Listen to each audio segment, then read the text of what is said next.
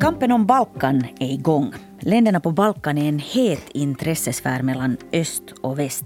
EU svärmar för dem, men det gör också Ryssland och Kina. Som väst står alla länder på västra Balkan och trampar i EUs tambur men hittills har bara Kroatien fått bli medlem. Ute i kylan väntar fortfarande Serbien, Bosnien, Montenegro, Nordmakedonien, Albanien och Kosovo. Vill EU faktiskt ha dem eller bara hålla dem riktigt nära utan att egentligen lova någonting så att de inte vänder sig till Kinas lockande pengar? Det är en balansgång på slak lina som EU håller på med och det är det vi ska prata om i nyhetspodden idag. Jag heter Jonna Nupponen och med mig har jag Sanimir Resic, historiker och docent vid Lunds universitet och Balkan Balkanexpert. Hej Sanimir. Hej hej. Välkommen till nyhetspodden. Tackar väldigt mycket för att jag får vara med. Äntligen ska vi få prata om Balkan. Det här är mitt favoritämne. ja, vad roligt. Det är mitt också. Då är det ju som hittat. På EU-toppmötet i början av december fick Bosnien-Hercegovina EU-kandidatstatus och kan nu alltså så småningom börja förhandla om ett medlemskap. Varför är det viktigt att Bosnien fick den här statusen? Det är ju lite det du var inne på här nu inledningsvis att eh, man från EUs sida är oerhört eh, ängsliga att man ska förlora Bosnien till andra makter. Exempelvis Ryssland i det här fallet. Mm. Vi får inte glömma att eh, Bosnien och Hercegovina är ju uppdelat i två entiteter sedan 95 och freden. Och den ena entiteten, Republika Srpska, har en väldigt djup eh, relation med Ryssland. Mm. Deras ledare det är inte så länge sedan sist han var i Moskva och hade samtal med Vladimir Putin. Så det är ett sätt för EU att hålla kvar Bosnien. Det, det ligger ju trots allt mitt i Europa och det skulle vara att ge Ryssland en, eh, en möjlighet att inifrån, på, på andra sidan gränsen mellan EU och eh, Ryssland och Ukraina för den delen, att få inflytande som skulle kunna vara destruktivt för EU. Mm. Så det är ju liksom det viktigaste eh, för EU i det här fallet. Mm. Bosnien-Hercegovina är fortfarande ett delat land, precis som du säger, efter de här Jugoslavienkrigen i början av 1990-talet. Och det var faktiskt senaste gången vi såg ett brutalt och svårt krig i Europa. Och de här etniska motsättningarna är fortfarande mycket svåra i Bosnien.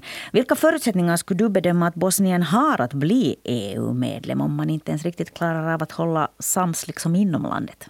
För att vara helt ärlig så, skulle, så är ju situationen idag inte särskilt gynnsam. Mm. Men man ska också komma ihåg att det är ett kraftigt polariserat land. Så att eh, å ena sidan har vi då halva befolkningen som drömmer om ett EU-medlemskap och sen har vi den andra som i en, jag är helt säker på att i en folkomröstning så hade man röstat eh, för Ryssland, för att så ser man det. Och den här drömmen att en dag eh, kunna bli en del av Serbien istället. Mm. Um, så, så, så, att det här är, det, vägen för Bosnien är jättelång men det, i, i, dagsläget så hänger det ihop med att man så snabbt från Bryssel gav ett OK till både Ukraina och Moldavien. Och då blev det omöjligt att med rent samvete sitta i Bryssel och säga till Bosnien att ni får faktiskt vänta på er tid. Mm. Så det hänger lite ihop allt sammans med den situation vi har nu i Europa med kriget i Ukraina också? Helt klart. Mm. Helt klart. Kosovo, som också har mycket motsättningar med, med Serbien fortfarande kvar sedan 1990-talet. De har i alla fall nyligen lämnat in sin ansökan om EU-medlemskap, också de. Det betyder ju då att alla länder på västra Balkan nu väntar på något plan på att bli medlemmar i EU. Vad är motiven? Varför vill eh, länderna på västra Balkan med i EU? Det är ju två, två viktiga eh, så att säga, faktorer här. Det ena är det säkerhetspolitiska. Eh, det är kanske det viktigaste. Sen kommer ju ekonomi. Man inser ju också att ska man få till riktigt strukt omfattande strukturella förändringar i den här delen av Europa så är EU en garant dels för eh, både säkerhetspolitiken och ekonomin. Mm. Sen kan man fördjupa sig i det här väldigt mycket men det är ju de två eh, huvudskälen till varför man vill bli medlem i Europeiska unionen. Mm. Hur är det synen på EU och väst generellt bland befolkningen i de här länderna? Många av de här länderna har varit kandidatländer väldigt länge och suttit och väntat Nordmakedonien ända sedan 2005 och Albanien mm. och Serbien sedan 2014 till exempel. Där är också, eh, befolkningarna är oftast ganska splittrade. Eh, mm. Till exempel i Serbien nu så, så börjar en majoritet att vara negativt inställda för att de kopplar det även till NATO-frågan, de kopplar det till Ryssland-frågan. Så att vi kan land för land se hur ungefär hälften av befolkningen är negativt inställda och hälften har fortfarande kvar drömmen. Men man ska också komma ihåg att det här väntandet det bidrar ju till att man eh, får en mer negativ inställning till mm. EU. Eh, ju längre tiden går desto mer inser man aha, de håller oss i korridoren så länge som möjligt för att vi inte ska hitta på någonting annat. Och, och därför blev ju det här att man gav eh, Ukraina och Moldavien ett OK, det blev ju förödande. Och det, så att det här var bara väntat att man då skulle ge ett OK till Bosnien så att man inte tappar ännu fler eh, in i någon typ av demoraliserad inställning kring Europeiska unionen. Mm. Ja, och då fick ju EU plötsligt lite bråttom faktiskt här när man började inse det här och tyckte att det var väldigt, väldigt viktigt att betona att länderna på västra Balkan har sin framtid inom EU man vill då ha dem på sin sida och det är kanske lite det som är orsaken till att det här EU-toppmötet den här månaden nu faktiskt ordnades i Albanien, i, i huvudstaden Tirana. Och det är första gången någonsin som ett EU-toppmöte har ordnats utanför ett EU-land. Varför är det då så viktigt för EU att binda västra Balkan till sig nu? Det är ju just för att eh, det, det, finns ju så mycket man kan förlora på det. Man får inte glömma att ibland har vi en diskurs i Europa där eh, Europeiska unionen blir synonym med Europa.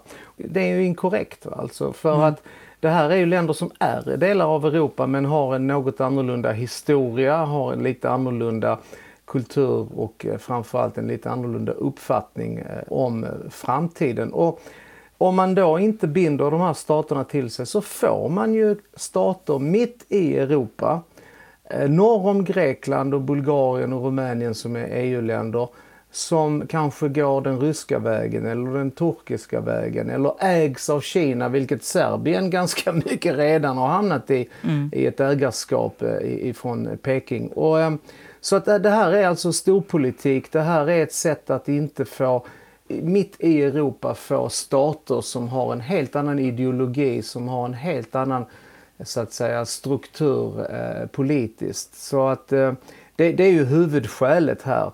Eh, för att eh, ska vi vara riktigt ärliga så hade ju hade man från Bryssel och många nord och västeuropeiska huvudstäder gärna sluppit det här problemet eftersom det finns så mycket socialt, ekonomiskt, eh, medborgarskapsfrågor. Alltså vad är det som krävs av medborgarna?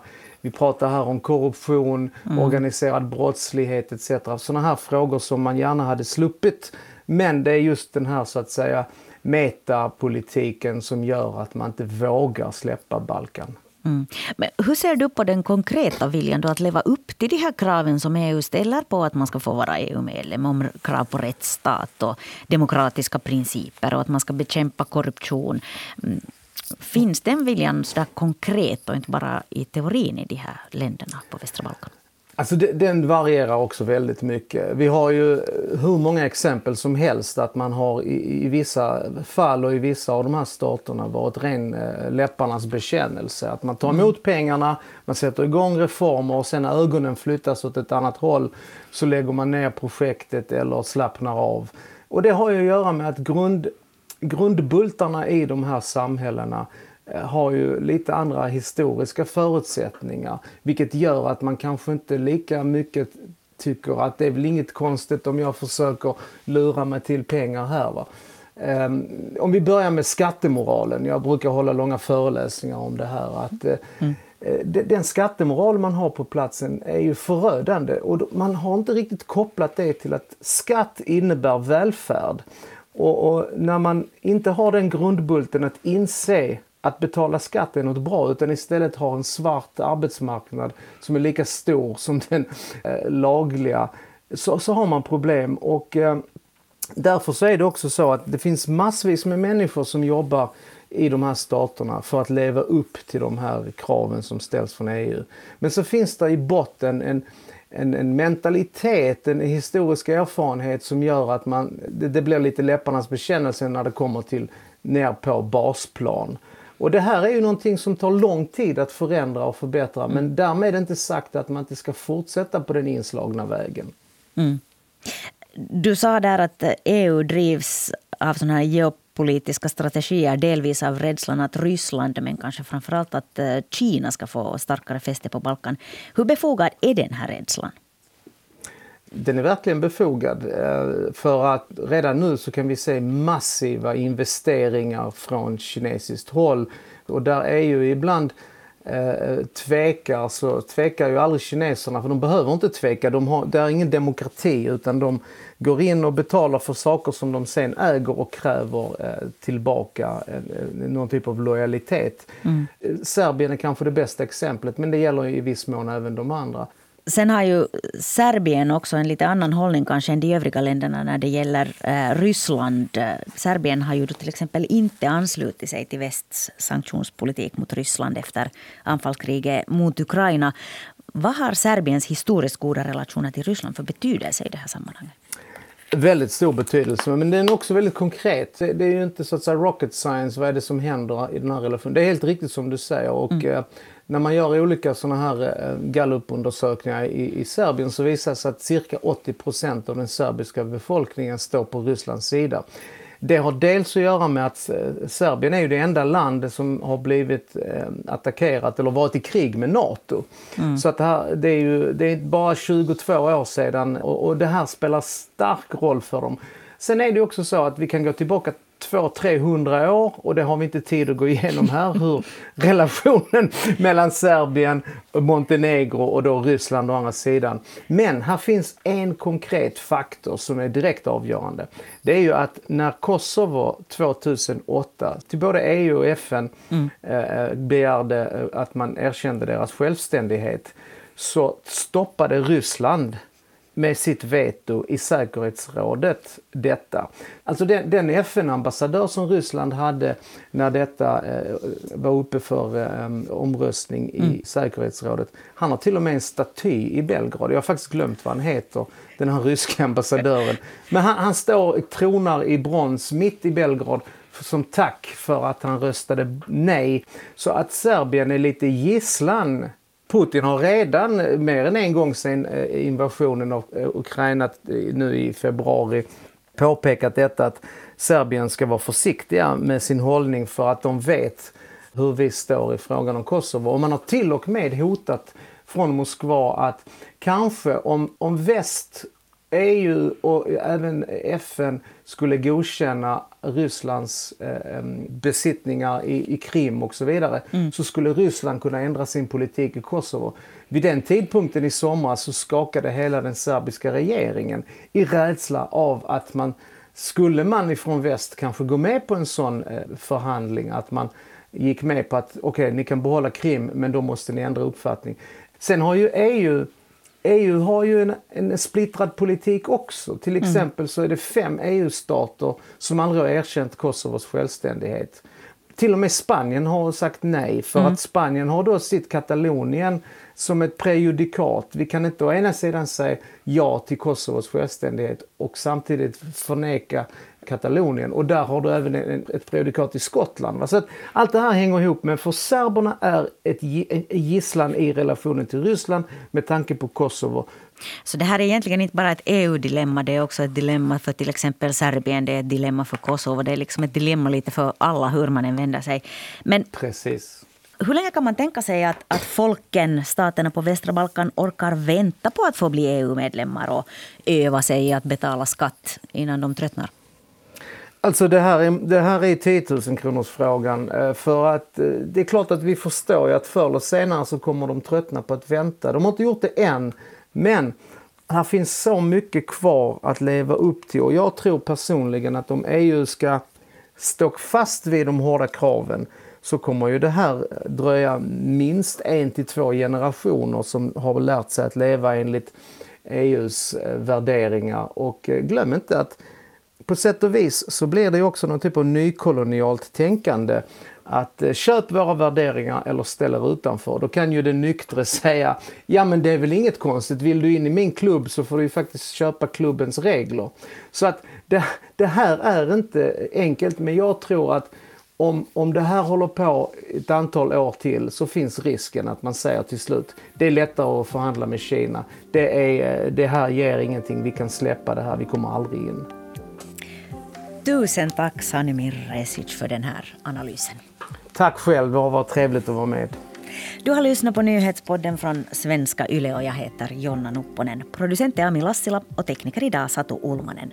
Och det här var faktiskt sista nyhetspodden för i år. Nu tar vi julpaus och är tillbaka igen den 3 januari 2023. Så god jul och gott nytt år och fortsätt lyssna på oss.